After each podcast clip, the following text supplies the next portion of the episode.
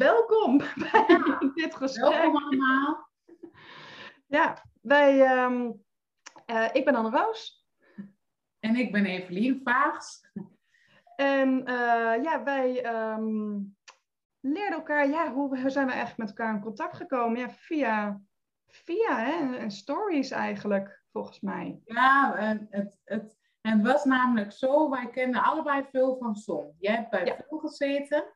En toen zag ik jou wel eens voorbij komen in een eh, review. En eh, toen ben ik jou gaan volgen. Ja, jij hebt een masterclass gegeven bij Ja. Klopt, ja. Zo ja. was het. En Phil is een, ehm, ja, is een business en life coach, hè, die wij allebei gehad hebben. En jij verzorgde, toen ik bij haar Phil in haar traject zat, toen volgde jij een eh, masterclass. Klopt, ja. Ja, Die, weet jij daar? is misschien wel leuk om even te vertellen. Want Ja, ehm, ja dus even kort als achtergrond. Ik eh, ben opgeleid als eh, tot dansdocent. Ik eh, heb daarna jarenlang met plezier les gegeven. Maar op een gegeven moment dacht ik, ik wil ook even iets anders. wat, wat fysiek voor mij minder zwaar is om te geven. En ik deed zelf al yoga en pilates. En toen ehm, ja, ben ik daar in opleidingen gaan volgen. En toen heb ik eigenlijk het dans achter me gelaten. Ben ik volledig op pilates en yoga gegaan. En toen merkte ik opeens van, hé hey, ja, met dansen had ik vier, vijf uur soms achter elkaar. Ehm, werd met de jaren wel wat minder. Maar ja, met Pilates had ik opeens eh, één uurtje en dan kon ik weer naar huis. En toen ontstond bij mij een beetje het verlangen van, ik wil mijn eigen studio. Zodat ik mijn eigen uren in kan delen, uren achter elkaar kan plannen, dat soort dingen. Ja, toen ging ik dat, eh, hè, daar ging ik een beetje mee starten. En ik vond net, zeg maar, hè, ik had een jaar eh, een locatie gewoon gehuurd voor één, twee uurtjes per week. En toen dacht ik, nou, nou ga ik voor mijn eigen studio, mijn eigen plekje. En die had ik net gevonden en toen kwam corona. Dus toen moest ik in één keer online. En ik dacht dus, hè, lekker naïef als ik was, van nou, als ik mijn filmpjes maak en ik zet dat op Instagram voor jou, ik heb filmpjes, eh, meld je aan. dacht ik, dan komen de klanten wel. Nou, dat gebeurde dus niet. Dus Nee. dat was voor mij het moment dat ik dacht, oké, nu ga ik dus eh, investeren in een business coach. Zodat ik, eh, als ik dan weer open mag, dan kan ik in ieder geval knallen, staat alles goed. En in de tussentijd verdien ik gewoon geld met mijn online lessen. En toen ging er echt een wereld voor mij open. En ehm, ondertussen zijn mijn lessen in mijn studio steeds minder aan het worden. En ben ik een coachingstraject gestart, met name voor ondernemers die dus vastlopen in hun bedrijf. Hè. Ze, ze doen de marketing, ze doen eh, alles wat, wat moet, maar toch stroomt het niet. En dan is dat 9 van de 10 keer is dat een innerlijke blokkade. En zo'n innerlijke blokkade, die ehm, kun je dus oplossen door middel van hypnose, eh, systemisch werk, eh, breathwork. Maar die blokkade zit ook automatisch, die geeft een signaal in je lichaam. En dat is waar ik dan nu op werk. Dus eigenlijk door het lichaam te gaan lezen, vertel ik jou waar de blokkade zit en wat eh, die betekent. ja, super mooi. Ja, dus dat is eh, wat we nu gaan doen. En En dat dat is, jij doen in de masterclass die ik dus toen, eh, toen heb ik jou voor het eerst gezien. ja, klopt. Dus inderdaad, hè, ik heb dus inderdaad bij een aantal ondernemers heb ik dus een keer een masterclass verzorgd. Gewoon een online masterclass waarin ik dus uitlegde van, hè, van, van wat ik doe, waarom ik dat doe en hoe je dus eigenlijk eh, dus, eh, jezelf dus, ehm, daarin dus kunt verdiepen. Ja, en zo hebben wij elkaar dus, eh, dus leren kennen. Ja, ja, heel Ja, leuk. En Evelien, voor, voor, hè, voor mijn volgers, jij bent holistisch life coach. Ja, dat klopt. Ja. En de, de, zo kijk jij ook. Jij benadert ook jouw klanten vanuit het holistische stuk.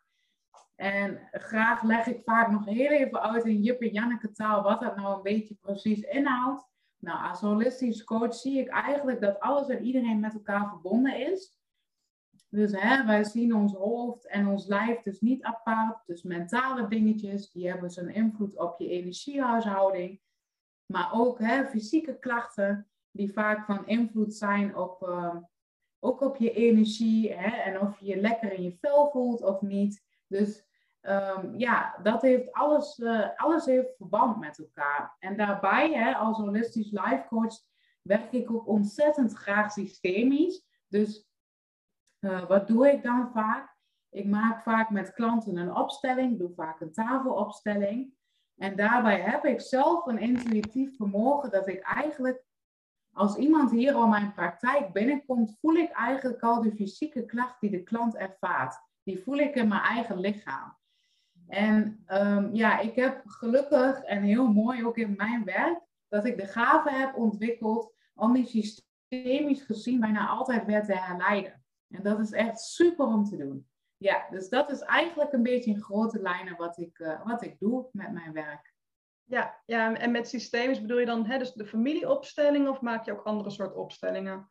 Nee, eigenlijk gaat het bij mij vooral om familieopstellingen. Natuurlijk zijn er in systemisch werk meerdere dingen die je kan opstellen. In principe kun je alles opstellen. En soms uh, merk ik ook, hè, vorige week had ik nog iemand die kon het leven niet omarmen. Dus dan stel je niet helemaal je familie op, dan, maar dan pak je echt het leven. Dan zet je het leven ergens neer. En dan zie je gewoon dat het nog niet helemaal stroomt zoals het zou moeten. Kijk, en dan krijg je ook blokkades. Dan kan het zijn dat je hartkloppingen krijgt of gewoon uh, slechte ademhaling. Maar je kan gewoon niet letterlijk je ruimte innemen. En ja, je voelt je dus niet vrij. Nee. Dat is interessant. Ja. Ja, want hè, om even daarop in te haken. Je zegt, dan voel je je niet vrij hè, en het leven omarmen dat is ook echt um, persoonlijk ook mijn, mijn zoektocht ook heel erg geweest. Van, van hè, ik, ik, 9 van de 10 ondernemers willen vrijheid. Ja. Die zeggen ondernemen voor vrijheid. Maar wat, wat is jouw definitie van vrijheid dan? En toen op een gegeven moment was dat voor mij ook heel duidelijk van ik wil die vrijheid in mijzelf voelen. Het maakt mij eigenlijk niet uit van. Ik dacht eerst namelijk van als ik werk onder schooltijd en dan na schooltijd vrij ben voor mijn kinderen, dan voel ik me vrij. Maar dat bleek dus niet zo te zijn. Want als er bij mij dus een creatief eh, gevoel opkomt van, en oh, ik wil nu dit doen, ik wil nu deze post schrijven en ik ga mezelf dan tegenhouden, want dit is mijn vrije tijd, dan ben ik alsnog niet vrij. En of, of uh, ik, ik voel me pas vrij als ik zoveel omzet per maand heb. Ja, dat is ook eigenlijk een illusie. En uiteindelijk, je, je kunt hè, financieel vrij zijn, dan weet ik het wat. Maar als jij alsnog onder de spanningjes en pijntjes zit, dan ben je alsnog niet vrij, want dan zit je gevangen in je eigen lichaam. Dus voor mij is vrijheid ook echt gewoon die rust en ruimte in mijzelf. En ja. niet afhankelijk van dingen buiten mij. Nee, dat klopt. Zo zie ik het ook heel erg. Hè? En ehm, mijn quote op mijn website en zo is ook van, hè, van overleven naar een vrij leven. Dus dat is wat ik eigenlijk teach. En precies wat jij zegt, vrijheid zit altijd in jezelf. Daar hadden we het net ook al over, hè? Hoe vaak wij, want wij hebben allebei kinderen dan toevallig, hoe vaak wij onze kinderen toch stiekem als excuus gaan gebruiken. Hè? Van, ja, maar ik heb kinderen. Ja, maar ik kan dit niet terwijl onze kinderen hebben daar niet om gevraagd. Dan gaan wij onszelf weer, of onze kinderen de schuld geven, dus zoeken we het weer buiten onszelf. Wat weer ons gevoel van vrijheid kan beperken. Dat kan maar zo. Ja. Als je eruit kijkt. Ja, klopt. want, want, wie zegt dat je kinderen het erg vinden om uh, bij wijze van spreken naar, uh, naar een indoor speeltuin te gaan waar zij gaan spelen en jij aan het werk bent? Precies. Ja.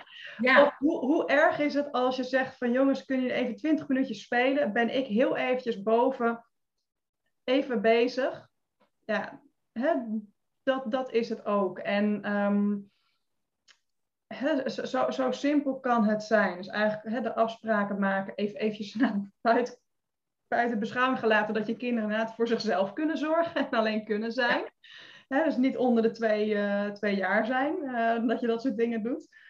Maar ja, het, heel vaak zijn we toch eigenlijk bezig met in ons hoofd het in te vullen voor een ander.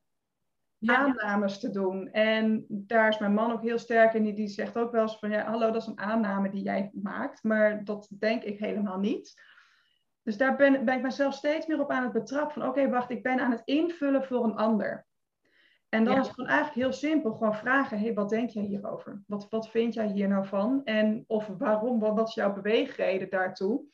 Want dan zit je meteen eigenlijk uit je eigen verhaal, maar wel in verbinding met de ander. En dan kom je ook gewoon tot, hè, makkelijker tot de kern. Dus dat, ja, dat is ehm, mooi inderdaad wat je zegt. Dat je toch echt met elkaar in gesprek blijft.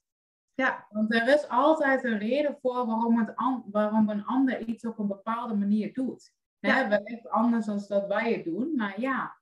Ja, Ja, en, en dan vanuit zeg maar, die, die verbinding, en op het moment dat jij dus geen aannames meer maakt, dan is er opeens veel meer mogelijk. Want als jij al dat beren op de weg ziet, van ja, maar dan gaat die dit denken, gaat die dat denken, en zus en zo, dan ben jij dus het leven van een ander aan het leven. Of je bent jouw leven aan het voegen naar de ideeën en meningen van ander, die misschien niet eens zijn of haar mening zijn. Want jij en bedenkt. dan beperk je dus jezelf tot die vrijheid. Ja. Maar hoe los jij de vrijheid op voor jouw klanten? Want vrijheid, hè, dat uitzicht dus op heel veel verschillende manieren. Dus jij werkt, denk ik, vooral dan met fysieke klachten, denk ik, toch? Ehm, nou ja en nee. Eh, kijk, hè, bij mij bijvoorbeeld in de, in de Pilatesles komen mensen echt gewoon puur en alleen bij me omdat ze dus eh, fysieke klachten hebben. Maar tegelijkertijd gaat het veel dieper dan dat. Zo heb ik ooit een Pilates klant gehad. En die zat al wel lang bij me, maar op een gegeven moment haar man die ehm, werd ernstig ziek en is echt in een paar maanden tijd hè, zo'n ziekbed doorgegaan. Uiteindelijk overleed hij. Maar ze bleef elke week bij me komen. Ze zei van ik haal gewoon even zoveel kracht uit hier zijn. En even dat uurtje voor mezelf, dan kan ik hem weer dragen. Maar vooral ook mm, toen hij overleden was, toen zei ze van. ehm, to- toen bleef ze wel eventjes afwezig hoor. Maar toen kwam ze na verloop van tijd kwam ze terug. En toen zei ze. Van, ze was eigenlijk met anderen in gesprek. En toevallig ehm, eh, hoorde ik het ook. En toen zei ze ook van, van ja, ik heb van jou geleerd dat mijn emoties, dat ik die kan voelen en kan doorvoelen. En dat ze kunnen gaan. En de grap is dat ik toen dacht van, ja, wauw, dat, dat, dat uiteraard weet ik. Maar ik had niet verwacht dat de Pilatesles daar zo'n effect op zou hebben. Kijk, als het een yogales was geweest, dan dacht ik ja, tuurlijk, want met yoga werk je met de mind en de gedachten. Maar met Pilates niet zo. Dus daarom kwam hij voor mij zo binnen dat ze dat zo sterk zijn. Ze zei ook van, ik kon gewoon spreken op zijn begrafenis. En mensen kwamen naar me toe en ze vroegen van, wow, wat, wat knap dat jij, dat jij dat kon, dat jij er zo krachtig kon staan. Want het was echt, het was haar maatje voor het leven, hè, haar man. Ja. En ik, ik krijg gewoon kipvel weer als ik erover praat. Want het, het blijft gewoon voor mij nog steeds zo'n bijzonder moment. Ehm, en, en toen is ook voor mij echt gewoon dat, dat, dat allereerste bewustwordingsmoment bij mij geplant, dat zaadje geplant van wat je ook doet met het lichaam, het heeft een effect op je mind. Het heeft Ja. een effect. En ehm, dus mensen komen bij mij met fysieke klachten. Maar ondernemers komen bij mij met juist hun interne blokkades. En zo heb ik dus onlangs heb ik een hele serie body readings gegeven bij een, eh, bij een eh, festival. En dan, hè, als ik dan aan iemands rug voelde en dan aan de holling van de rug, kan je dus voelen van hé, hey, er is een stukje wat naar voren wilt. En hoe erger een holling of een ronding, hè, je, je, je rug staat bijvoorbeeld voor je, voor je verleden. We, we hebben daar geen ogen, dus alles wat we eigenlijk niet willen zien, gooi je naar achteren en verstop je daar. Dus heel veel klachten uit de rug zijn gewoon eigenlijk dingen die je ofwel begraven hebt, ofwel dingen van vroeger. Maar dus door het voelen van haar rug was er één punt. Dat ik dacht van, en hier is die holte op zijn grootst. En ik bleef er even hangen met mijn vingertop. Ik had echt zo die, die wervel zo eventjes zo vast. En zei ze ook op een gegeven moment van... Ik was aan het, ik was aan het invoelen van, van wat, wat, wat wil dit mij vertellen? En in één keer zegt zij, ja, dat is precies het punt waar ik al maanden last heb. Nou, dat kan ik niet weten, want ik kan het niet van buitenaf zien. Nee. Maar toen vroeg ik haar ook van, van ja, is er iets uit het verleden wat je, wat, wat, wat ofwel nu terugkomt, of ofwel iets wat je niet wilt zien, wat je, wat je verstopt. Maar omdat het zo naar voren stond, moest het wel iets zijn wat vanuit het verleden naar het nu kwam. Ja, en dat bleek zo precies zo te zijn. En door dan dus eigenlijk gewoon die vraag te gaan stellen, door daarmee te gaan werken en dan dus het lichaam daarna Ehm, hè, dus ook de rust en ruimte te geven. Ik heb gewoon serieus een masterclass gegeven via Webinar Geek, waarin mensen alleen maar in de chat konden praten met mij.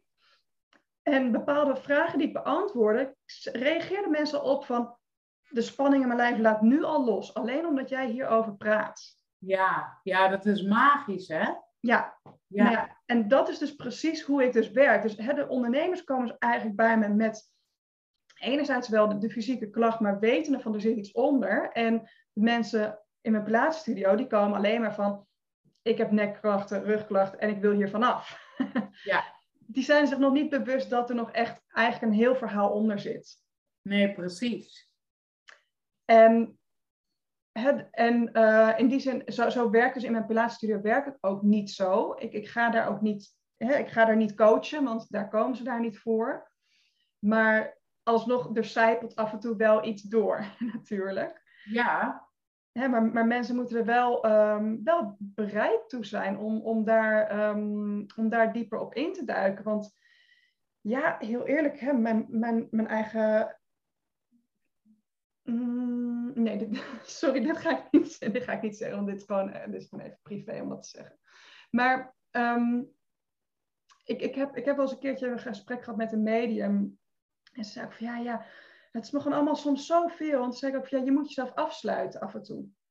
En toen zei ik ook van, ik sluit bijvoorbeeld mijn, mijn ik noem dat dan mijn pilatesoog, sluit ik af en toe af.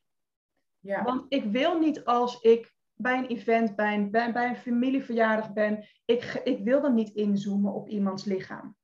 Nee, precies. Wat dat kan betekenen. Dat sluit ik heel wat jij bedoelt hoor, ja. Ja, want um, ik ga dan dingen zien en, en voelen in mijn eigen lijf.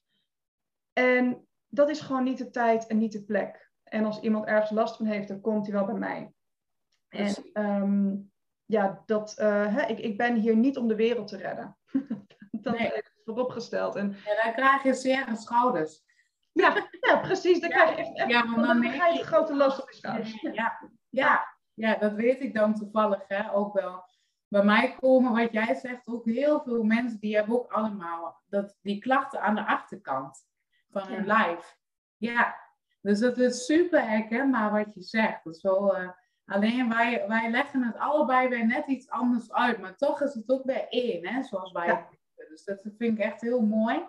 Ja. En voor degene die luistert ook super interessant dat wij eigenlijk met onze eigen expertise wel heel veel raakvlakken hebben. Dat is echt heel mooi. Ja. Ja, ja, uiteindelijk geloof ik ook van hè, alles is één. En als ik iets ook van, uh, hè, van veel van onze, onze business coach heb geleerd, dan is het ook van ja, concurrentie bestaat niet. En laten wij vooral als vrouwen elkaar ondersteunen en elkaar hè, upliften.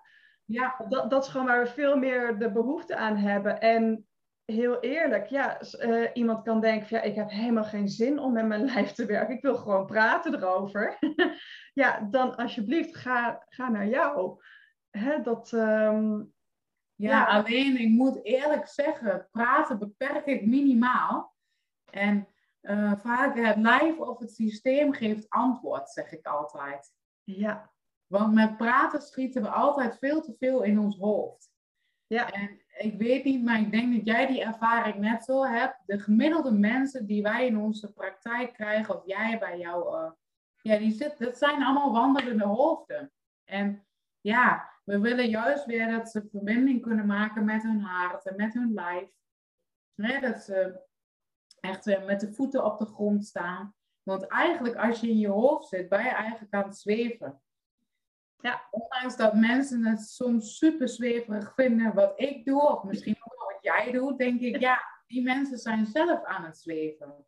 Ja. Dat is wel grappig, hè? Want vaak weten de mensen helemaal niet de definitie van um, gronden en spiritueel zijn. Wat, wat betekent dat nu echt? Heb je je daar echt op verdiept? Of heb je hier een klinkklaar oordeel over van uh, geitenwolle sokkenfiguren en uh, ergens op een wolkje zitten, weet je wel. Ja. Of de hippies, ja. Ja, ja, precies. Precies. Maar we zijn ook gewoon, hè, jij en ik zijn echt doodnormale mensen, waar we het net ook al over hadden. Ja. Ja, het, het, het is allemaal, en, en dat is het mooie. Uiteindelijk denk ik hè, dat de wereld aan het veranderen is. Dat voel ik ook wel heel sterk. Ik weet niet of jij dat ook merkt. Ja. En ja, dat wat jij ook zegt, niet iedereen is ehm, gelijk nog dat lichaamsbewuste. Ehm, dus bij mij zit er ook dus een gradatie in. Het is niet dat ik wachtrijen voor mijn deur heb van doe mij maar zo'n één op één traject. Bij mij vinden klanten het soms super spannend. Die zeggen dan tegen mij: uh, Nee, Evelien, ik wil daar wel iets meer over. Maar ik hoef ook niet mijn hele hebben en houden op tafel te gooien. Doe mij maar gewoon een reiki-sessie en dan uh, ook het liefste eerst een proefsessie om te kijken of het wat voor me is, weet je wel? Ja. en dan nu had ik ook onlangs iemand die zat heel erg in haar hoofd. Het was een verpleegkundige toevallig. Nou, daar ben ik zelf ook van oorsprong. En het was echt super grappig, want dan heb je al gelijk uh, gesprekken en raakvlakken. En zij zei, nou, ik vind het echt ongelooflijk wat ik nu allemaal in mijn lijf heb gevoeld. Dat heb ik gewoon nog nooit gevoeld. En na de behandeling waren we klaar en ik zei, ja, ik heb wel wat gevoeld, ook bij jou um, rechts, boven in je buik. Ik zeg, heb je daar wat bijzonders? Nou ja, niet dat ik weet. Maar zij is dus nog steeds in de fase dat ze nu um, in een soort overgang zit van minder lichaamsbewust naar heel erg lichaamsbewust. Dus toen kreeg ik de volgende dag toch een appje van, hé, hey, jij vroeg mij naar die plek. Maar uh, ja, mijn, uh, wat, wat, was nou? De, ja, de blinde dame was weggehaald. Dus dat was het. En dat zat dus precies hier op die plek. Dus zij zei ook van, dat je dat kon voelen. Ik zei, ja, ik wist niet specifiek dat het je blinde dame was, maar ik voelde ja. dat er ergens een soort vermindering van doorstroom was. Ja. zien we dat, hè? Als mensen geopereerd zijn of ze missen een orgaan of een... Ja, ja. dan voel je dat. Ja, ik, ik heb dat dus net ook hè, onlangs in, in die body readings uh, gehad. Ik, ik, had, ik had een vrouw voor me en uh, ik had de rug al gevoeld en ik was een beetje aan de voorkant aan het kijken. En ik bleef zo naar de kijken en ik dacht, er klopt iets. De, energetisch klopte het niet. En ik bleef er zo kijken, eigenlijk zo, zo net eigenlijk iets boven de borsten, want van, van de, de, de klopt iets niet. En ik zat ook te kijken gewoon van naar, naar haar borstkas en dan in relatie met haar bekken. En ik bleef zo steeds omhoog gaan en weer terug en weer omhoog en weer terug. En op een gegeven moment zegt ze, ja, deze borst die is uh, geopereerd. Die is, die is oh. uit, uit, mijn buikweefsel gehaald. Oh, zie je. Nou ja, toen dacht ik van, ja, zie je wel? Ja, jij kreeg een verschuiving constant. Ja, ja. Van, ik, ik, ik wist van, het, er, klopte iets niet. Nee. Jij en, van boven naar beneden. Ja, ja. En, en, en niet, niet dat die, die borst vreemd was, want het was echt prachtig gedaan. Ik zei ook van, van fantastisch dat dit kan, hè? Ja, dat de wetenschap dit kan. Ik vind het echt waanzinnig. Maar ja, hè, dus energetisch klopt het toch niet. En ik heb ook wel eens een keertje een leuk, um, leuk gesprek over gehad in, uh, via mijn Instagram, via mijn DM. Van iemand die zei van ja, Heel interessant, maar hoe denk je dan over tatoeages en piercings? Oh. Ja, ik heb daar ooit een keertje, uh, dan weet ik even niet of ik het was of mijn moeder.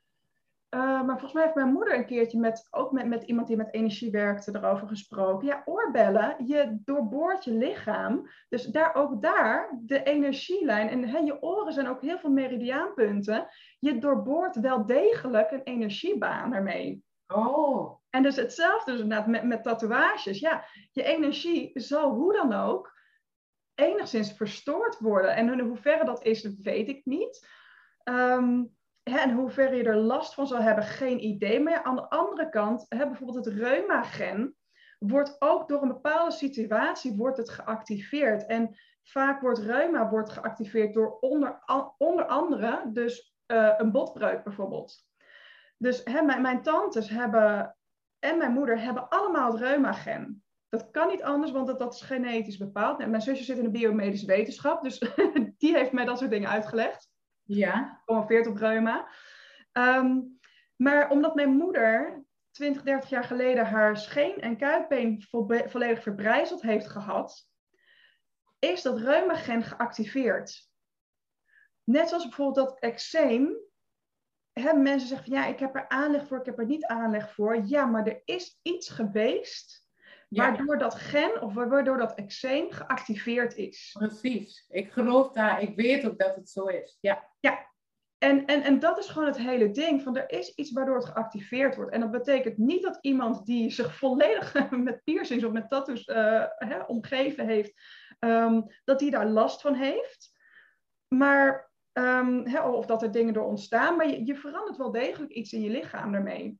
Ja, net, net zoals dat jouw gedachten je lichaam beïnvloeden, ja, heeft dat ook wel degelijk invloed. Um, hoe denk jij dan over dat reuma-stuk? Want uh, jij zei je moeder heeft het, maar jou, jij dan en je andere zus? Ja, um, ja, wellicht hebben wij het reuma-gen ook. Geen idee. Hè, maar bijvoorbeeld mijn tantes hebben allebei geen reuma. Maar die hebben het gen natuurlijk wel. Maar denk jij dat jij in staat bent om dat te stoppen of te doorbreken? Of in ieder geval niet te kunnen activeren? Ja, ja daar, daar ben ik wel, wel echt van overtuigd. Uh, dan moet ik dus inderdaad niet het verhaal gaan blijven vertellen van hè, het, het, het is genetisch, dus ik heb dat ook. Nee. Hè, um, ik, ik, um, dat, dat, dat, is een hele, hele grappige, um, als je dus met, met, met hypnosecoaches gaat praten ook. Die zeggen mm. dus uh, praat niet over wat je hebt, praat over wat je doet. Dus in mijn geval, ik, uh, ik doe eczeem. Ja, en, precies.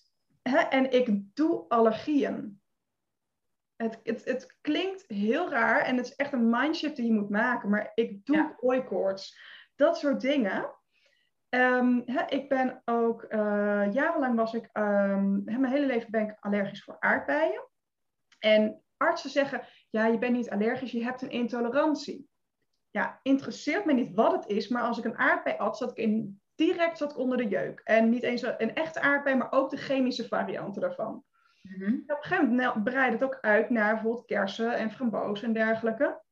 En deze zomer had ik zoiets van, ik ben er klaar mee. Ik ben er klaar mee, dus ik ben gewoon kersen gaan eten. 0,0 reactie. De aardbei durf ik nog niet helemaal aan. Iets voor volgend jaar. volgend jaar ga ik, die, uh, ga, ga, ik die stap nemen. Maar ik heb bijvoorbeeld vorige zomer heb ik uh, bijvoorbeeld mijn hoogtevrees. Ik heb jarenlang waanzinnige hoogtevrees gehad. Maar echt op het punt dat als ik op een hoge berg, de eerste keer dat het gebeurde was toen ik 12 was. Ik wist niet dat ik hoogtevrees had, maar dat was toen in die vakantie toen ontstond dat. En mijn vader parkeert de auto bovenop de berg. We stappen uit en ik val om. Mijn evenwichtsorgaan was gewoon volledig van zijn padje en ik viel om. En, tot, uh, en ieder jaar ook weer op vakanties, als ik voelde van ik ga hoger, dan gingen mijn knieën gingen trillen en knikken. En dan kon ik op een gegeven moment ook een bepaalde grens voelen van... En nu moet ik stoppen met lopen, want anders ga ik zo meteen te ver. En dan, lig ik, uh, dan ga ik op handen en knieën kruipend verder. En vorig jaar was ik dat zat. En toen heb ik dus inderdaad een hypnosecoach ook gevraagd. Um, ik zei van, als ik terugkom wil ik met jou hier werken. En ze zei, nou dat kun je wel. Wij hebben al een traject gedaan. Dus ga dit maar op die en die en die manier doen. En ik heb het toen gewoon zelf geshift. En op een gegeven moment zei mijn man van, hé, wat sta je dicht bij die rand? Wat sta je dicht bij die afgrond? Ik zeg, ja, cool hè? ja, bijzonder hè? Afgelopen weekend ben ik in een kabelbaan geweest op de, op de Floriade. En mijn zusje en mijn moeder zaten ook van, huh? Jij hebt dit voorgesteld? Je staat, je loopt gewoon door dat, dat, dat hokje heen. Leer je vader dat? ja, ik was er klaar mee. Ik was er echt klaar mee. Ja, en tof is dat, hè? Dat je dat dan gewoon, dat je in staat bent om dat te doen. Ja, en, en mensen geloven het vaak niet, maar met rugklachten werkt dit net zo. Want hè, het feit van rugklachten zit in mijn familie is ook gewoon een verhaal. Ja, je vertelt jezelf dat. Je maakt het jezelf wijs. Dat is wel wat je doet. En daarmee hou je het in stand, hè? Ja. Hè, en um, uh, hè, dat is ook vanuit de wet van aantrekking, of de, de, de, de kwantumfysica, zeggen ze ook als iemand in jouw familie is verdronken in bad, dan is statistisch voor jou de kans om ook te verdrinken in bad. Nou, dat was echt bizar heel veel hoeveel groter die, die kans dan was. was volgens mij echt iets van, van hè, dan is de kans 75% groter dat jij ook sterft in bad. Ja, bizar. Maar dat komt alleen maar voort uit die angst, doordat je dat constant gaat kopiëren. Ja, dat komt voort uit inderdaad van, oh mijn god, dat is die overkomen. Diegene staat dicht bij mij en dat trek jij je aan, dat, dat maak jij je eigen enzovoort. Ja. Ja, hè, Ja, ehm, dat wordt heel dat, eigenlijk is het heel beangstigend als je Ja. zo moeten gaan leven. Ja, is heel net beangstigend om, zo te gaan leven. Maar je, je maakt dus eigenlijk een, self-fulfilling prophecy van. En dat is waarom ik zei van, ik wil dat reumagen eh niet te veel in mijzelf activeren. dus ik laat het ook echt gewoon weer los van, eh, van ja, nee, dat, dat blijft lekker bij mijn moeder. En ehm, ik besteed er geen aandacht verder aan. Ik, ik, ik wil niet te veel daarover horen. Ik wil niet te veel, en ik ga me daar niet in verdiepen. Ehm, noem maar op. Ehm, hè, maar eh, ja, kijk, in, in bijvoorbeeld het geval van hè, borstkanker is ook genetisch bepaald. Hè, is ook, een- ook een genetisch eh, bepaalde eh, kankervorm. En bijvoorbeeld de actrice Christina Applegate heeft daarom, omdat haar, zowel haar moeder als haar zusje hadden het al gehad. En daardoor heeft zij bij voorbaat al haar borsten laten amputeren. Dus die heeft dus gewoon op die manier gezegd van, ik ga überhaupt dat traject niet in. De kans is heel groot dat, dus ik ga, ga dit voor zijn. Nou, ik vind het een waanzinnig moedige keuze. Ja. En tegelijkertijd, ehm, ja, eh, in die zin, ik vind hem heel moedig ook, vooral omdat die angst voor haar dus heel reëel is. En om dan te gaan zeggen van, joh, ga lekker hypnose trajectje doen en eh, dan eh, wordt het jou bespaard, is dan heel makkelijk praten. Je moet daar echt wel, eh, wel mentaal wel echt voor, voor openstaan en, ehm, en dat aandurven. Ja, het, het zijn ook, ik weet niet of je die documentaire kent, de documentaire Heal. Nee. Ik, Oh, wil, ik, eh, ik wil hem altijd nog een keer zien. Ja. Ja, dus hè, daarin ook. ehm, ik weet nu even niet meer of het daarin was of dat het in The Secret was, die documentaire. Ehm, maar er is ook iemand die dus door artsen ongeneeslijk ziek verklaard was. Ook naar, kanker zodanig uitgezaaid. eh, Mevrouw, we kunnen eigenlijk vrijwel niks meer voor u doen. En toen is zij rigoureus alles omgaan, eh, omgaan shiften. Van oké, ik, wil geen negativiteit meer in mijn leven. Dus ze heeft bepaalde mensen gestopt met contact. Eh, ze is alleen maar humoristische films gaan kijken. En nou, ik weet de tijdperiode niet, maar ze is genezen verklaard.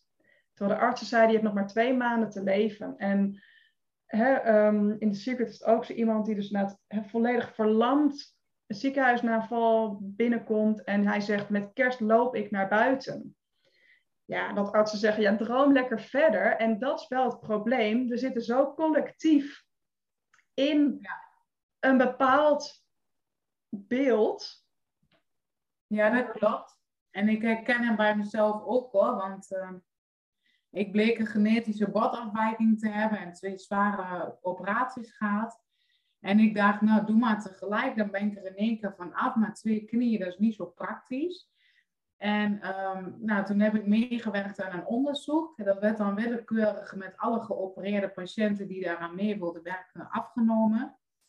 En ik was een van de weinigen die nu kan hardlopen. Eigenlijk was het bijna niet mogelijk. En, want ik kon in, de- in mijn leven daarvoor niet hardlopen. Maar het is, dat is ook een mindshift. Dat je denkt, ja, ehm, het is gewoon mogelijk nu. Ik ben geholpen, het probleem is er gewoon echt niet, dus het kan. Ja, Voor mij was er gewoon ook geen weg dat ik kan zeggen, het kan niet.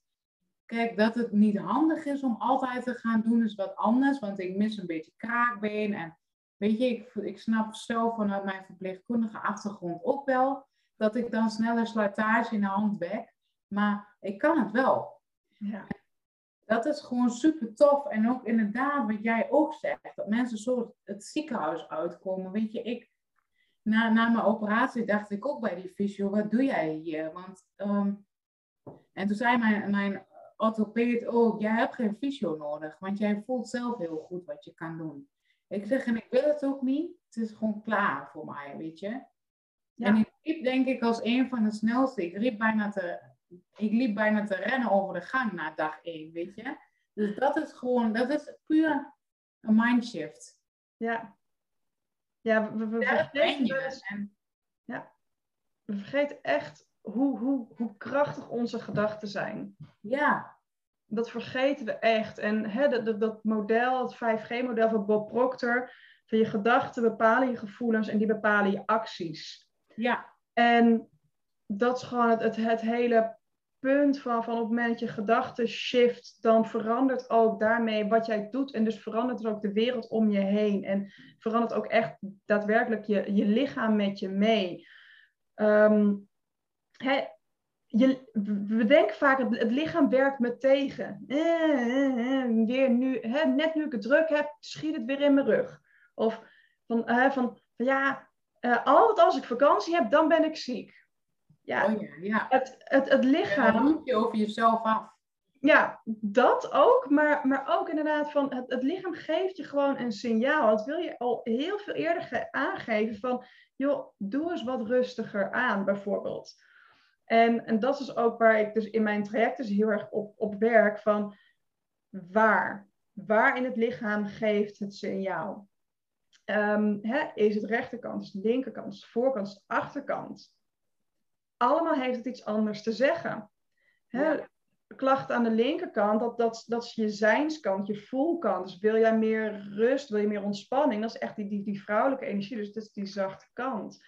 Uh, juist de acties en grenzen aangeven, dat is rechterkant. Dus heel interessant om zo te gaan kijken van waar heb je pijn in je lichaam. En vaak zie je ook dat bepaalde dingen uh, kriskras door het lichaam gaan. Dus rechter schouder, uh, maar bijvoorbeeld dan linkerheup en hè, dan weer rechterknie bijvoorbeeld. Zo gaan, gaan die dingen ook echt door het lichaam heen.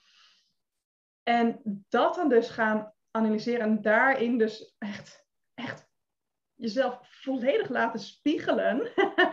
dat is het vooral. Hè, echt durven incasseren wat je lichaam je eigenlijk vertelt. En dat, dat is het moeilijkste. Ja, dat denk ik ook wel. Want dan moet je, wat jij net ook al zei, dan moet je wel echt voor open durven te staan. En ja. ben jij echt bereid om um, letterlijk door een bepaalde pijn heen te gaan? Want soms moet je er even. Of soms, je moet er altijd doorheen, maar je moet het aankijken. Ja, en hè, dan, uh, in, in mijn, mijn allereerste online business, hè, dat, dat richt zich ook echt op, op rugklachten. Ja, dat, zei ik ook in mijn, in, mijn, uh, in mijn masterclass ook altijd van, ja, hè, ben je klaar om altijd met naar, om naar de fysio te gaan? Want heel simpel, de fysio is gewoon um, jezelf oplappen, signalen wegpoetsen, maar niet de oorzaak aanpakken. Nee, je komt alleen maar een klein beetje aan de oppervlakte. Ja. Als je daar al komt. Ja, het is, gewoon symptoombestrijding. Want ja. op het moment dat jij dus dat wat eronder zit aan gaat pakken, ja, dan gaat opeens die klacht verdwijnen. Want ja, je hebt dan geen fysio meer nodig. Niet dat er allemaal slechte fysio's zijn, zeker niet. Dat wil ik ook niet uh, hiermee zeggen. Maar het is een totale andere benadering. Ja, en, en ik had ook heel vaak, ik, ik, heb wel eens een keertje een vrouw gehad die een proefles pilates bij mij kwam doen. Zei van, ik heb al zeven jaar lang een nekhernia. Ik ben al zeven jaar in behandeling. En dan ten eerste gaat bij mij al een rood vlaggetje omhoog, want waarom de fuck heb je al zeven jaar lang een, een nekhernia? Hoeveel artsen heb jij gezien of ben je nog steeds bij dezelfde? En is diegene dan zo arrogant dat hij zegt van, ga, uh, blijf bij mij? Hè, want op een gegeven moment zou een arts moeten zeggen, hey, wij komen hier niet verder. Zoek eens wat anders. Ja. Um, maar toen vroeg ik haar van, goh, um, toevallig begon ik die les staand en ik sta zo achter haar en ik zei toen al van, is er ooit naar de rest van je rug gekeken? Nee, hoezo? Oeh. En die podcast luisteren, ik sla heel hard op mijn hoofd, voorhoofd van, waarom? Waarom kijkt zo'n arts niet verder? Als iemand jarenlang een nekhernia heeft, waarom kijk je niet naar de rest van de rug? Ja. Nou ja, en, en, en daar, daar werd dus, word ik nog steeds een beetje boos om. maar ondertussen is, is, in Fysioland, ondertussen is er in Fysioland wel heel veel veranderd. Maar alsnog, gewoon hè, de, de fysio's die daadwerkelijk verder kijken, ja, ik, ik, ik kan het ze ook niet verwijten, want ze hebben letterlijk twintig minuutjes voor je. Maar ja, jongens, kijk toch alsjeblieft even verder. Kijk naar het lichaam als geheel. Ja. Want, ja, hè, Ja, maar dat, dat is het. Hè. Het is heel kort door de bocht om te kijken, ik focus me alleen maar op het kleine stukje. ja, Als jij alleen al simpel weet dat het al bij je voeten, dat je lichaam al begint. ja, Daarmee sta je. En ja, ik bedoel, daar is, dat snapt ieder mens. Ja, en, en als je kijkt naar, hè, na- naar, naar de yoga-filosofie en de chakra's, in het bekken, het, het bekken, daar zit het, het, het wortelchakra. En dat is jouw basisveiligheid. Daar zit jouw dierlijke zijn. En op het moment dat daar iets niet goed zit, hè, dan ontstaat er in het bekken al een bepaalde scheefstand. Of aan de voorkant, de achterkant, of een rotatie erin. Daar hoef jij niet per se last te krijgen. Nee, Want die rug die vangt nog wel heel veel op. Maar ja, als jij vervolgens wel pijn krijgt in de rug of eh, hè, in de bovenrug gaat compenseren en uiteindelijk hè, het, het lichaam gaat ergens gaat het tegen een blokkade aanlopen en hè, zo'n pijntje loopt dan ergens of zo'n spanning loopt ergens vast. ja, Ik, e- één ding wat mij ook heel erg bij is gebleven. Ik ehm, had toen ik jong was, had ik een balletdocente. En zij was ook super spiritueel. En eh, we, waren, waren tien jaar oud en in een balletles gingen we aura's voelen. Ehm, ik heb een keertje een engel ontmoet in de, in de balletzaal waar ik ook echt eventjes contact mee heb gemaakt toen. Nou ja, iedereen die nu denkt, koek, geloof lekker wat je wil geloven. Nou, helemaal prima. maar zij zei toen ook een keer dat ze kaakproblemen kreeg. En ze kwam bij de kaakchirurg en die kaakchirurg die zei tegen haar, "Eh, er is niks mis met jouw kaak. Jij moet, eh, ga eens eventjes naar een podoloog toe. Met andere woorden, die kaakchirurg die had gewoon de ballen om te zeggen, ik wil dat jij naar je voeten gaat kijken, want waarschijnlijk zit daar iets niet goed. oh, Nou ja, echt hulde aan die man die dat dus he- zo heeft ge- gekeken en heeft gezegd van hé, hey, hier klopt dus iets niet. En dat is mij dus gewoon eh, vanuit vanuit mijn, mijn jeugd dus al meegegeven van een klacht is geen klacht, er is een signaal ergens anders uit. En dat, ehm, dat ja, het is een uiting van een dieper liggende oorzaak. Ja. En bijna altijd, eh, ja, wat ik vind is een emotie. Een, een- Ja. Hè, altijd. En hoe zie jij dan? Want ik ehm, las laatst, was ik me aan het verdiepen in het stukje bindweefsel. Nou, jij weet vast ook van alles Ja. over bindweefsel. Daar was ik wel nieuwsgierig naar, want iemand die ik hoorde spreken, die zei, een trauma slaat zich op in het bindweefsel. ja, is dat klopt. zo? Ehm, ja, ja ben, ben ik het wel mee eens, ja. Het, het, het bindweefsel is. ehm, hè, en, en, bi- bindweefsel is een beetje de oudere term. Tegenwoordig heet het fascia. Eh, fascia is eigenlijk de, de betekenis van de fascia is pas on- echt ontdekt in 2000, nou 6 of 16. Volgens mij in 2006 begon een beetje het eerste echte onderzoek daarnaar. Tot die tijd werd bindweefsel, als, je, als je bijvoorbeeld kip snijdt, rauwe kip, dan heb je die witte draadjes. Soms Ja. dikkere draadjes en tussen ieder eh, vleesvezeltje zit ook eigenlijk een wit vliesje. Dat, het is allemaal bindweefsel, maar het ene is dikker dan het ander. Dus het zit echt overal, het zit overal omheen, doorheen. En ehm, we weten allemaal van, vanuit je huid, van hoe soepeler dat is, hoe, meer, hoe soepeler je bindweefsel. Ehm, maar dat werd eigenlijk bij, aan de snijtafel, werd dat altijd als nietsdoende, huppakee, weg, laagjes over de spieren heen, huppakee, we gooien het weg. En pas dus eh, eigenlijk vrij recent pas, volgens mij is het 2006 geweest, eh, Robert Schleip is daar echt een, eh, echt een voorloper in geweest in dat onderzoek. En ondertussen heb je meerdere, en Jill Miller en ehm, Susan, ehm, oh nu weet ik achternaam niet. Nou, van de Melt Method zijn twee dames die, die ook daar heel veel in, in doen met, met de fascia. Ehm, het, er is gewoon ontdekt van, van de fascia transporteert vocht, maar ook de signalen vanuit het hele lichaam naar de rest. Dus ehm, ehm, het, het, is eigenlijk een, een, groot transportsysteem voor je, door je hele lichaam heen. Naast het feit dat je je lichaam bij elkaar houdt als een, als een soort lijn. Maar op het moment dat jij dus. Um, dus, dus heftigs meemaakt. Iets heftigs meemaakt, je, je lichaam gaat toch echt wel ergens verkrampen. En dat is in eerste instantie is dat dus spiertechnisch. Mm of, of een spanning in je organen. Dus dan is het orgaantechnisch. Maar ja, fascia zit ook in en om de organen.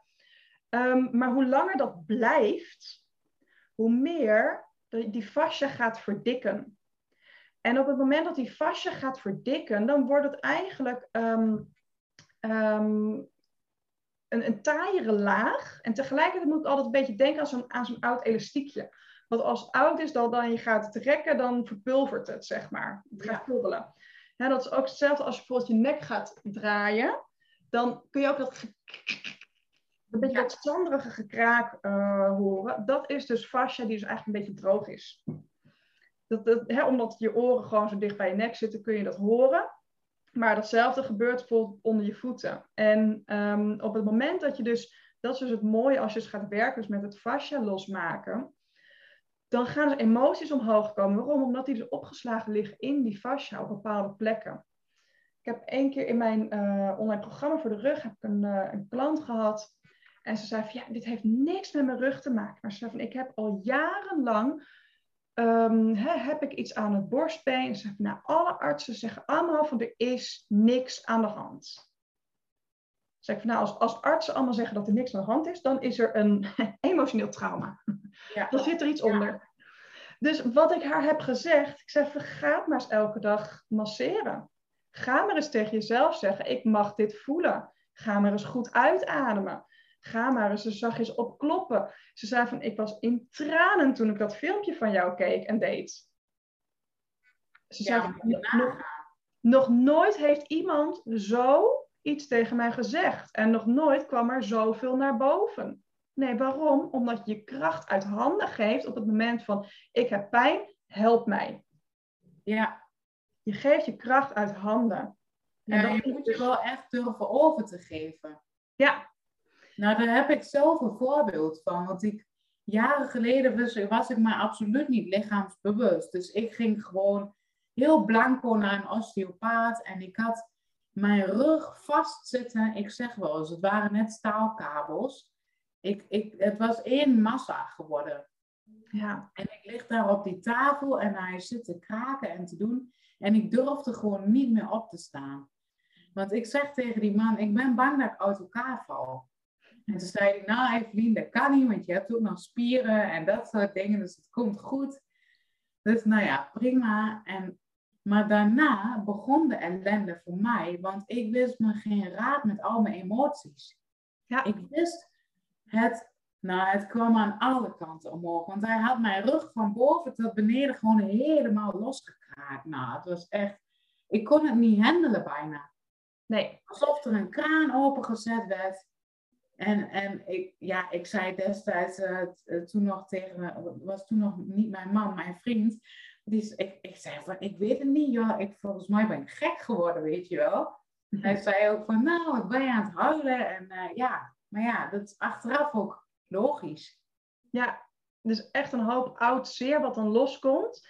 En tegelijkertijd zie je ook heel vaak dat als mensen dus losgemaakt zijn, dat dan is vervolgens het zenuwstelsel in paniek raakt. Van, dit is te heftig, hier, hier kunnen we niet mee dealen. En dan, bam, is gelijk ook die spanning weer terug. Ja. En dat is dus zeg maar het proces wat je zowel fysiek als uh, mentaal emotioneel aan moet gaan. En dat moet gebalanceerd worden. Dat moet steeds een stukje hè, beter, beter, beter. Dat is ook de hele reden waarom um, in de yoga, ik, ik doe zelf altijd Ashtanga yoga. Dat is echt altijd een vaste serie. En op het moment dat jij eraan toe bent, krijg je van de docent een houding erbij. En zo wordt je practice steeds langer. Die hele eerste serie is alleen maar naar heel veel vooroverbuigingen. Waarom? Omdat je dan de, de, de vagus nerve stimuleert. De, de vagus nerve is de langste zenuw die gewoon letterlijk van je bekkenbodem naar je brein loopt. Als mhm. jij in shock bent, is dat, nou dat komt jou waarschijnlijk wel bekend voor, is dat ook de zenuw die artsen prikkelen om jou weer wakker te krijgen. Ja. Um, maar die moet eerst getoond worden, zoals, zoals we dat dan mooi zeggen. Hij moet zowel in beweging gebracht, dus soepel gemaakt worden, maar ook wel krachtig gemaakt worden. Want als die zenuw te slap is, dan, dan gaat je hele systeem slaat op tilt. Pas als je dat onder controle hebt, kun jij naar achteroverbuigingen gaan. Want achteroverbuiging, dus alles met de rug naar achteren, gaat het zenuwstelsel gaat op tilt slaan op het moment dat jij dat nog niet kan dragen. En dat is net wat het, heel logisch. Ja. Wat bij jou dus ook gebeurd is, van er is al van alles met je rug gedaan, terwijl je brein nog niet er klaar voor was. Je zenuwstelsel was nog niet klaar voor. En dan schiet het gewoon gelijk terug, als een boemerang. Bam. Ja. ja. Ja, ik merk het ook wel, hè, als klanten het bij mij ook spannend vinden. Ik had laatst ook iemand en die vond het überhaupt mega spannend. En ik zei, nou weet je, mag ik eens gaan kijken? Want zij zei ook, ik heb hernia-achtige klachten. Toen dacht ik, hmm, uh, zo voel ik het niet. Ik dacht, maar we gaan op onderzoek uit. Dus ik heb wat vragen gesteld en uh, nou, behandeld. Ik kan dan ook uh, bepaalde loslaattechnieken kan ik uitvoeren bij klanten. Dat is heel mooi, want dan voelen ze gelijk die energie. En dan kun je eigenlijk de klacht als ze normaal een pijnscore van 9 hebben, dan kun je terug reduceren tot 0.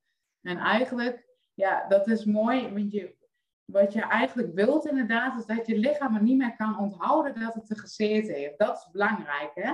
Ja. Alleen, wat, ik, wat, als, wat er gebeurt, dat als een klant het niet echt gelooft, ga je het hier weer opwekken. En dat is wat er gebeurt. En dan hebben we het ook een beetje over de wet van aantrekking dat als je in de rest van je leven dus niks gaat veranderen en je laat het bij één sessie, ja, dan kun je er donder op zeggen dat het niet, je niet, meestal moet ik zeggen, niet gaat werken. Nee. Want vaak ligt het echt wel diep. En inderdaad, dan is het ter plekke wel uit je lijf, maar dan moet alles eromheen moet ook in balans zijn. Dus weer het holistische uh, hè, idee erbij. Dus dat was wel um, die, die klant dus met die hernia-klachten, die zei, nou, ik snap er niks van. Ik heb helemaal geen pijn meer. Ik voelde even zo'n tinteling tijdens het behandelen. Ik voelde die energie echt helemaal op en neer gaan. En ik loop hier de, de, de, de deur uit. Ja, ik heb vanmiddag een, een afspraak met de huisarts. Wat moet ik daar dan mee? Ik zeg, nou ja, uh, het is aan jou, weet je wel. Ja. Lekker waar jij je goed bij voelt. Dus je kan hem afzeggen, maar je kan ook denken van, nou, voor het idee ga ik even. Maar ja, Eigenlijk weet je weet zelf het antwoord wel, zei ik. Ik laat het ook altijd bij een ander, weet je wel. Ja. Maar wat, mensen willen vaak nog een soort controle over hun lichaam houden. En wat wij doen, hè, jij doet het ook met je klant en ik ook. Je prikt tot zo diep. Dan, dat lichaam is helemaal klaar om dat los te laten. Alleen mentaal niet altijd. Nee, Nee, sterker nog, je, je lichaam heeft gewoon een ingebouwd systeem wat altijd terug wil naar balans. Ja. De hele, hè, en, en de hele reden dat wij, we, verwachten wel dat als je uh, je vingers snijdt, dat je lichaam morgen er een, een korst op heeft en dat het binnen een week ver, geheeld is. Dat verwachten we. Maar we verwachten niet dat als jij door je rug gaat, dat je, hè, dat, dat je dan binnen een week weer up and running bent. Ja, ik geloof het wel. ja, ja, jij ondervindt het zelf ook, hè? Ja. Wat was je nou vorige week? Er was, ik, ik, ja, ja, inderdaad. Um, voor, vorige week ook inderdaad, zat ook inderdaad, mijn, mijn, mijn hele rug zat inderdaad vast. Oh ja, um, ik voelde me net ook al aankomen net, en, en in de yogales daarna, dan zat ik, oh, oeps, ik zit weer helemaal vast. Ja, ik, ik weet ook van, ik, ik, ik hoef niet meer naar de fysio daarvoor. Want ik ga inderdaad zorgen dat ik dus mezelf balanceer. Dus met onder andere dus uh, mijn, mijn zachte foamroller van Meld. ja. ik, uh, en uh, ik heb inderdaad dan balletjes van de role model, van, van Jill Miller heb ik dan. Yoga tune-up fitness. Om nog even wat anders. Het is niet volledig. Er zit nog net iets in met trapezius. Maar ja, hè, daar, daar, daar kom ik dan wel weer uit. Wat zit je trapezius? Want dat weet niet iedereen. Ja, je, dus je, je, je, schouderspier, dus de spier die van je, van je hoofd naar je schouder loopt. Ja, precies. Dus hè, het stukje wat iedereen altijd gaat, gaat knijpen als je in, iemands schouders masseert. Ja, daar, ja. Ja, ja maar dat is ook hè, om aan te geven, we hebben allemaal onze dingen. En, en, en, en het, het, blijft altijd zoeken en blijft altijd meebewegen. En ook wel een, een, leuke is gewoon van, je, je, je kunt jezelf zoveel mogelijk in balans brengen, maar uiteindelijk je leeft een leven. En het kan net zo goed zijn dat jij super alles op de rit hebt en je steekt de straat over en bam, er komt een auto aan. je kunt zo je been breken. Dus alsjeblieft, ik heb een keertje inderdaad ergens iets gelezen. Inderdaad, ook, ook iemand die volledig voor holisme was. Hè, en, en volledig voor, uh, voor, voor, aromatherapie en uh, homeopathie, noem allemaal maar op. Maar die zei van, alsjeblieft, als ik een auto-ongeluk krijg, stuur me niet naar een, naar een osteopaat. Breng me alsjeblieft naar een chirurg. ja, ja. Hè, maar ga alsjeblieft niet chronische klachten oplossen met in iemands lichaam te snijden ook één keer een klant gehad die zei altijd van, ja, ik heb een beenlengteverschil. Van, en wie heeft dat gezegd? Ja, een arts. Is het aangetoond met MRI of met, uh, met, met, met een foto? Nee, dat niet. Zeg, dan geloof ik niet dat jij een beenlengteverschil hebt. Punt. Geloof ik gewoon al niet, omdat het waarschijnlijk, 9 van de 10 keer is het dan namelijk een, um, een, een spierkwestie. En ik heb in mijn leven heb ik twee keer gewerkt met uh, twee verschillende klanten die daadwerkelijk beenlengteverschil hadden door uh, echt gewoon het been gebroken te hebben op jonge leeftijd. En dat zie je in het hele lichaam terug. En deze dame, hè, uiteindelijk bleek ook van ja, ja, na tot mijn twaalfde, van paard gevallen, ruggenwervel. Ja, nou, nou, zie je, dan zit daar jouw issue. Niet in dat beenlengteverschil. Dat is ja, bij mij was het een scoliose, dus een, ja. Eh, een zijwaartse kromming. Maar dat betekent ook, ehm, hè, als ik het holistisch nu bekijk, van dat ik mijzelf een soort overlevingsmechanisme ook niet weten welke kant moet je op. Dan krijg je dus inderdaad die S-vorm. Ja. Dus, en um, op een gegeven moment snapte de arts er niks van, want ik ben ook niet geopereerd. Uiteindelijk heeft het zichzelf hersteld. En dat is echt super tof. Dat je denkt, ja, wow, zo is ons lichaam, hè? Ja, ja, zo, zo, zo is het lichaam. En, en het kan ook altijd. En, en dat is dus iets ehm, wat, wat, wat gewoon helaas gewoon heel erg uh, ingebakken is. Van we, we geloven niet dat het lichaam zichzelf kan helen. Ja, in geval van een sneetje wel. Maar zoiets hebben we, we denken van botten zijn vast, daar is niks aan te veranderen. Nou, dat is dus een dikke vet onzin, want je botten zijn nog steeds levende cellen. En jij kunt je botten, je botstructuur kun jij veranderen. Ja, ja, dat is echt heel mooi. Hè? Nou, ik, ik moet wel heel eerlijk zeggen ehm, dat ik uh, heel goede ervaring heb met de Sint Maartenskliniek in Nijmegen. Want die kijken wel heel holistisch, vind ik. Ik weet niet of jij daar wat van weet. Maar ik was wel voorbij horen komen, ja. ja. Ja, ik ben nou dus zelf geopereerd voor mijn botafwijking. Nou, dat is echt, dan maken ze eerst een foto van je hele lijf. Terwijl ik dacht, waarom doen ze dat in Enschede niet? Het is de eerste keer dat ze dat doen. Hoe simpel kan het zijn, weet je wel? Ja. Hadden ze hier ook gekund. Scheelt een beetje kosten en dan kun je gelijk uh, goed worden behandeld. En mijn dochter had ook een beetje. En toen zei die arts laatst, ja, maar weet je, geef het eens de tijd. En toen dacht ik, uh, jij bent orthopeed. Heb ik ooit een orthopeed horen zeggen, het de tijd geven?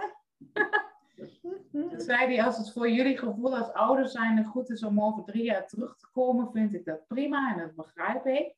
Want ze zit immers nog in de groei en er gebeurt van alles. Ik zeg, nou, dat, voel ik mij heel goed bij om het te doen. Want als ouders zijn, je wil het beste voor je kind, natuurlijk. Maar hij zei ook, uh, steunzolen is dikke vette onzin. Ja. Want je kan oh. zelf ook corrigeren. En toen dacht ik, oeh, ik ben pedicure geweest, weet je. En ik heb ook altijd, ik ben ook opgegroeid met steunzolen. En dan moet je goede schoenen en dan moet je het gaan corrigeren. Maar dan ben je ontzettend aan het manipuleren in principe. Ja. Dat is wat je doet. Ja. Want hoe denk jij daarover, uh, Anne ja, Steunzolen, dan gaan bij mij echt alle radars aan. Alsjeblieft, pleur die dingen meteen het raam uit. je, je schoenen uit. Want ja, ik, Um, oh, kijk, ik heb hier heel veel over te vertellen.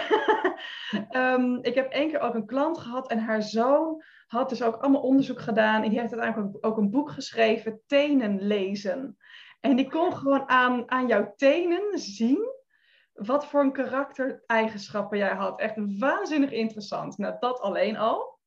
Ehm, maar vooral ook, ehm, en, en dit is eentje uit eigen ervaring ook. Ik heb een aantal jaar heel erg, uh, het, toen ik danste, ik danste natuurlijk altijd op balletschoenen of op blote voeten. Dus was heel erg blote voeten gewend. Maar ja, hè, mijn moeder had Birkenstocks. Dacht, ah, dat is wel fijn, lekker Birkenstocks aan. Maar die, hadden, die hebben natuurlijk een gigantisch voetbed. En dat voetbed is niet mijn voetbed. Maar ik, ik vond het wel fijn. Het, het duwde mijn voet in bepaalde standen.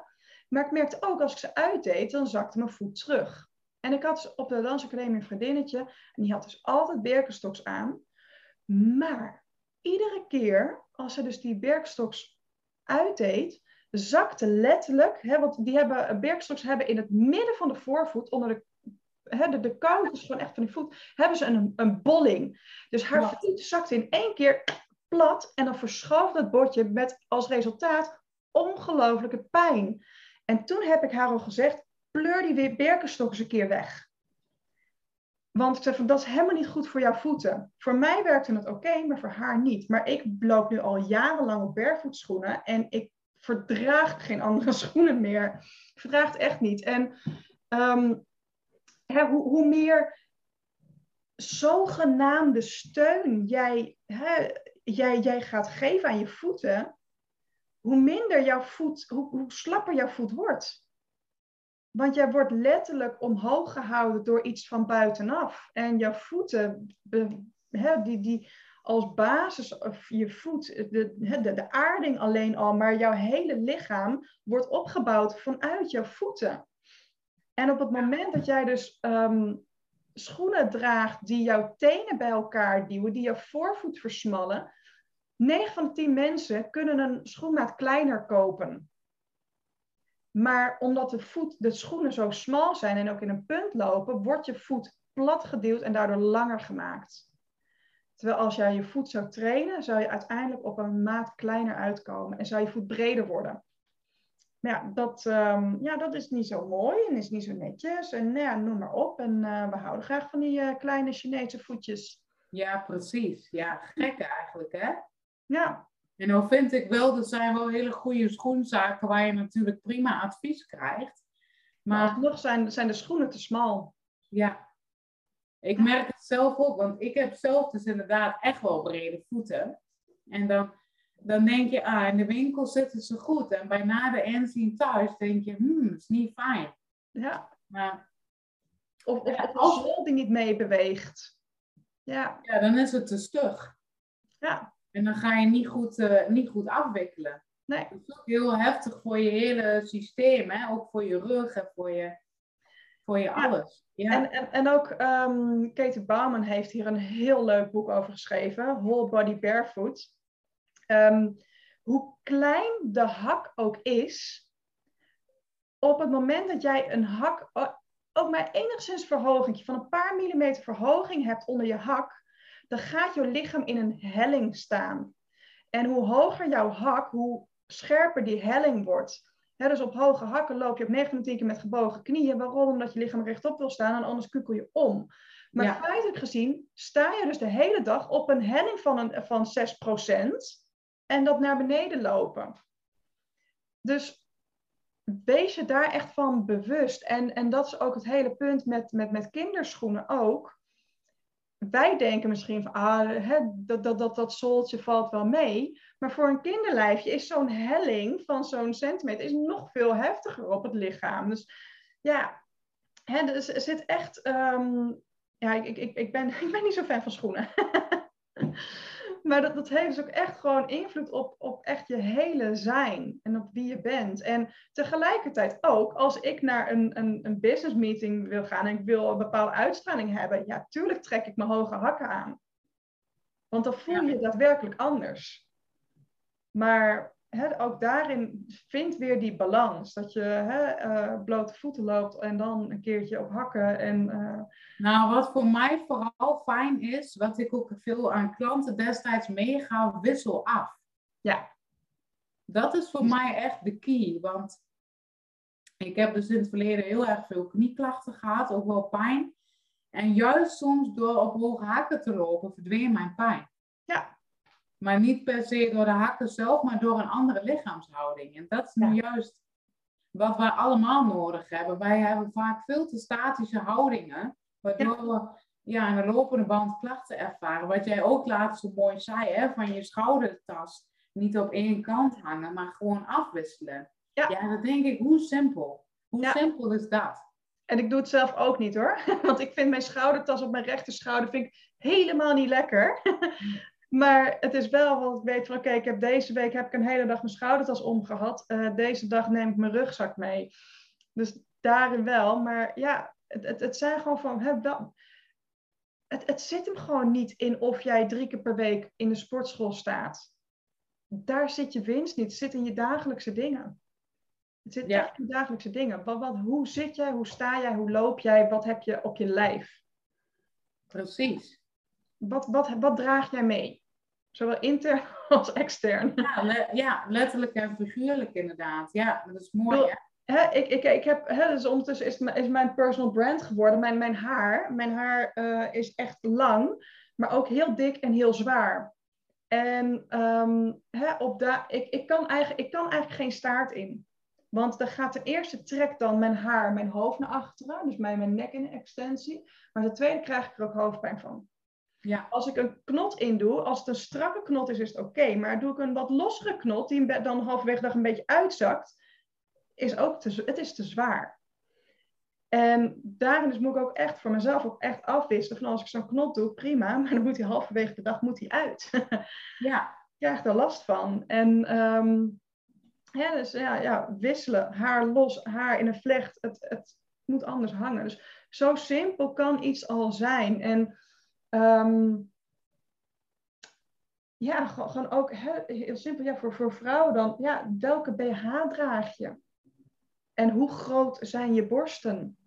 Ja. Dat soort, dat soort dingen hebben ook al zoveel invloed. Kijk, en um, hè, nou, nou, niet, niet, niet om te gaan zeggen van jongens, je moet allemaal uh, uh, een borstverkleining gaan doen of zo. Maar het heeft wel invloed op de rest van je, van je, van je rug en je, en je lichaam. Ja. Moet wel meedragen. Ja. En um, ja, dus je, je daar bewust van zijn en daar gewoon bewust je keuzes in maken, dan, dan is het verder helemaal prima. En als jij zegt van, mijn moeder zegt ook van ja, ik kan niet op blote voeten lopen. Nee, dat snap ik dan alsjeblieft ga niet op blote voeten lopen. Werkt voor jou niet. Kun je, kun je, vanuit, kun je vanuit ideologie dat wel willen? Maar doe wat werkt voor je. Nou, dat vooral. Kijk eens wat minder naar een ander. Want we worden allemaal zo gek gemaakt door elkaar. Maar voel gewoon naar wat jij nodig hebt. Dat is eigenlijk, hè? Ja, echt voelen wat jij nodig hebt. En dat iemand anders om vijf uur s ochtends opstaat en een uur mediteert en een uur yoga doet en uh, dan pas uh, hè, drie uur later gaat eten. Ja, dat hoeft niet voor jou te werken. Nee. Hè? En, en, um, hè? en, en dat, dat vind ik ook zo mooi. Hè? Mijn, mijn man is um, bijvoorbeeld heel, heel makkelijk van, van als ik ga sporten en ik ga minder, minder snoepen, dan val ik af ja, hartstikke leuk, bij mij werkt dat niet. Nee, zo, uh, zo werkt het. Nee, maar dat is inderdaad het verschil per persoon. Ja, en, en dat, dat is echt ook gewoon gaan uitzoeken. En, en daarom ook van, van ja, hè, um, ik, ik, kreeg een keertje ook de vraag van iemand. Die zei, ze keek op mijn Instagram, ze zei van ja, ik zie helemaal niet dat jij, dat jij dingen doet voor de rug. Um, waarom maak je eens een keertje een post van, van, van doe deze vijf houdingen tegen rugpijn? Zeg ik, nou ja, uh, omdat ik dat niet ga doen. Want de oefening die voor jou werkt, werkt voor een ander niet. En um, ja, ja ik, ik, word er ook altijd een beetje pissig om, dat soort, dat soort posts of dat, dat soort blogs. Ja, hè, vijf oefeningen tegen. Ja, I don't care. Iedereen werkt anders. Ja, ja. Ja, dat is juist zo mooi, weet je. Ik denk ook juist dat dat de kracht is hè, van jou en mijn werk. Dat je heel specifiek met één op één met, met je klant gaat werken. Ja. En uiteraard zijn er wel hè, algemene dingen die wel werken. Maar dan nog, ik heb soms in mijn les dat ik de ene persoon moet ik een ene variatie geven, de andere geef ik een andere, de andere kan versterken, de andere heeft een uh, kussen onder zich nodig. Zo ben ik in één oefening ben ik vijf verschillende variaties aan het geven. Voor, voor iedereen net wat anders. Ja. ja. mooi is dat, hè? hoe dat dan werkt. Maar is het dan ook zo dat je ook heel mooi spieren op kan bouwen met yoga of met pilates? Want dat doe je. Ja, ja kijk, in die zin, um, voor, mij zeg maar ook echt, yoga is echt het pad van de mind. En echt gewoon het, het, het interne werk. En dat doe je wel door het lichaam te bewegen. En Pilates is voor mij veel meer anatomisch gericht. Oké, wat is jouw lichaam? Hoe beweeg jij? Wat heb jij nodig? En waar moet jij versterken of waar moet jij juist soepeler worden? En um, ik, ik, ik, vind yoga, ik vind yoga echt geweldig. Ik doe dat echt ook heel graag zelf. Maar 9 van de 10 lessen die gegeven worden, um, ja, ik wil niet zeggen, ik ben het niet mee eens, want ik, ik, ik ben zeker mee eens. Want hè, zeker als je overtuiging is van ik wil gewoon aan, hè, ik wil gewoon aan, aan hè, die rust in mijn hoofd rust in mijn lijf werken, dan is yoga helemaal jouw ding. Maar als mensen met fysieke klachten naar een yogales komen, dan 9 van de 10 keer kom je toch wel een beetje bedrogen uit. En dan, dan zeggen dus mensen ook van ja, ik kan dat niet, want ik loop steeds tegen die en die blokkades aan dat ik niet meekom vanwege mijn nou, rug, knie, schouder, noem maar op. Um, waarom? Omdat yoga niet de plek is waarin fysiek gecorrigeerd wordt, waarin uitgelegd wordt waarom iets zo is. Of uh, hè, soms geeft een docent wel verschillende opties, maar er zit wel een bepaalde limiet aan. En uh, in de Pilatesles ga je er wel, wel veel dieper op in. Van hey, hè, voor jou die schouder, voor jou dat, voor jou zus, voor jou zo.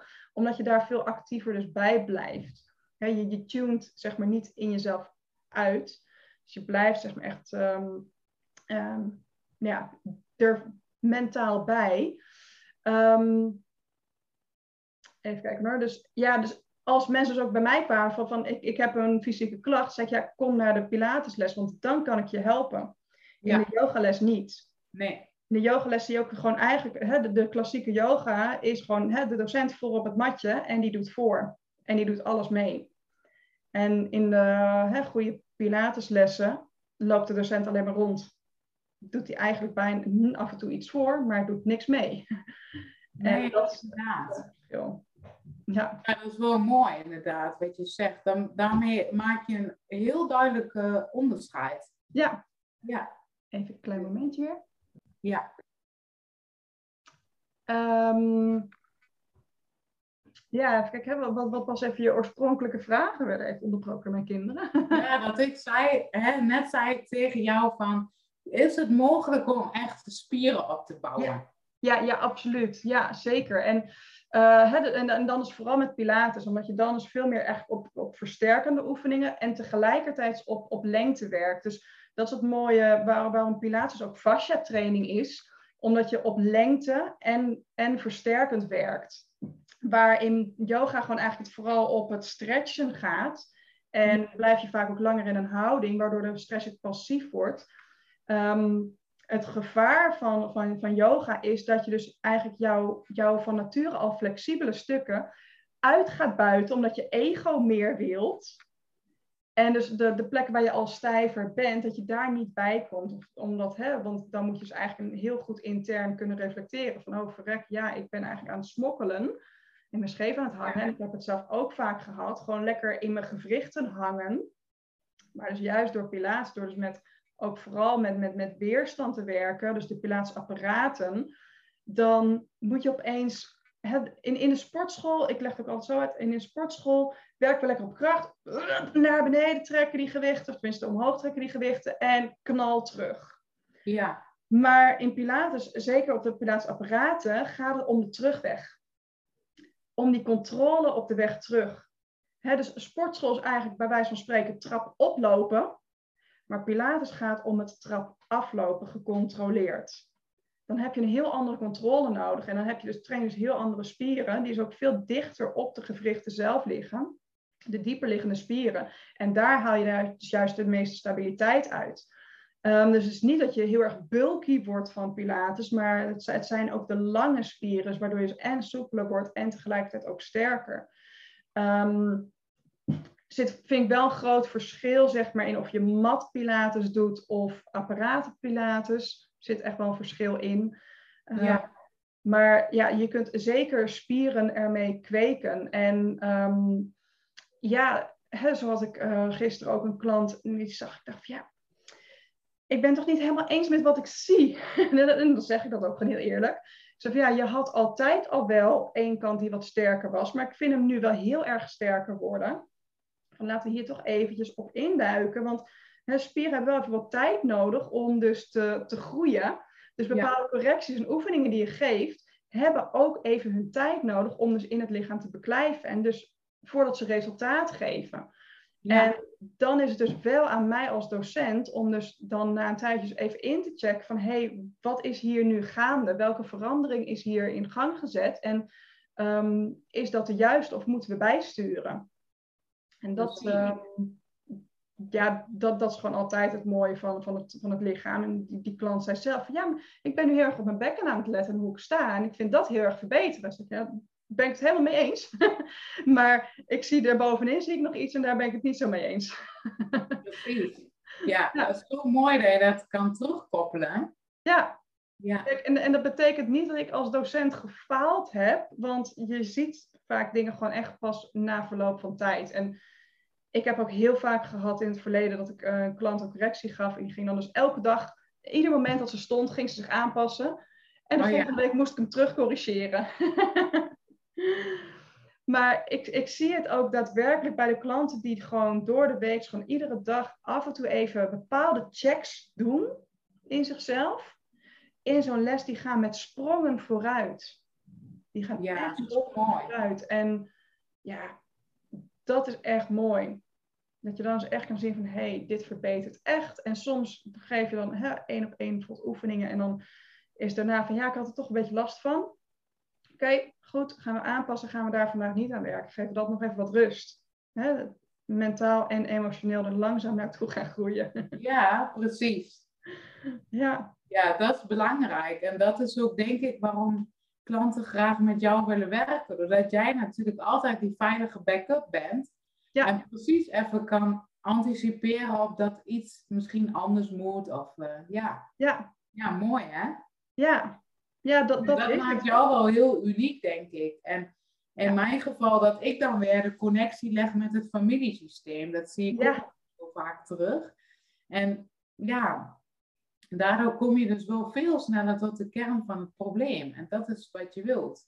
Ja, precies. Ja, ja ik, ik heb pas uh, half jaar terug voor het eerst echt een, met familiesystemen kennis gemaakt. Maar de impact daarvan alleen al is al zo bijzonder. En daar kan al zoveel uit loskomen. En ja, ik heb het van de week nog, um, met twee weken terug nog gehoord.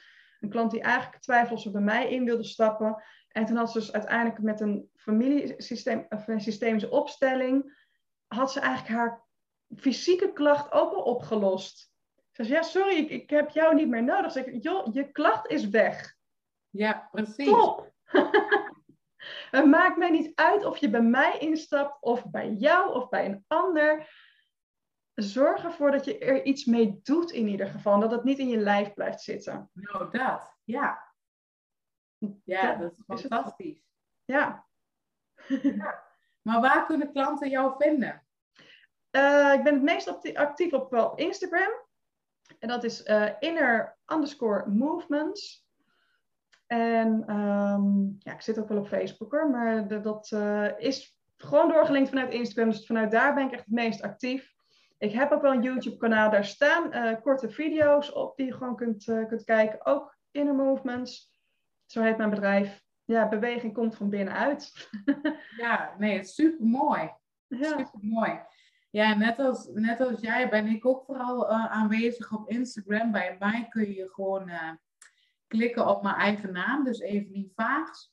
En ook mijn website www.evelienvaags.nl. En op YouTube begin ik ook nog maar net. Dus de video van vandaag gaan we ook lekker uh, erop zetten. Ja. Lijkt me leuk. Ja. En ehm, ja, wij zeiden al gekscherend van eigenlijk zou het tof zijn om een soort retraite of zo. Wie weet het. Als je nu kijkt en denkt van, goh, ik zou wel interesse hebben om van jullie allebei iets te leren. Je mag ons altijd een DM'tje sturen via Insta of een mailtje of wat dan ook, toch? Ja. En dan, ja, als blijkt dat er gewoon echt heel veel animo is om uh, zowel systemisch als energetisch als fysiek te werken. Ja. Ja, wellicht dat we dan denken, goh, laten we een, uh, een retraitedag uh, organiseren. Ja, precies. Ja. ja. Nou, we gaan hem afsluiten, hè? Yes.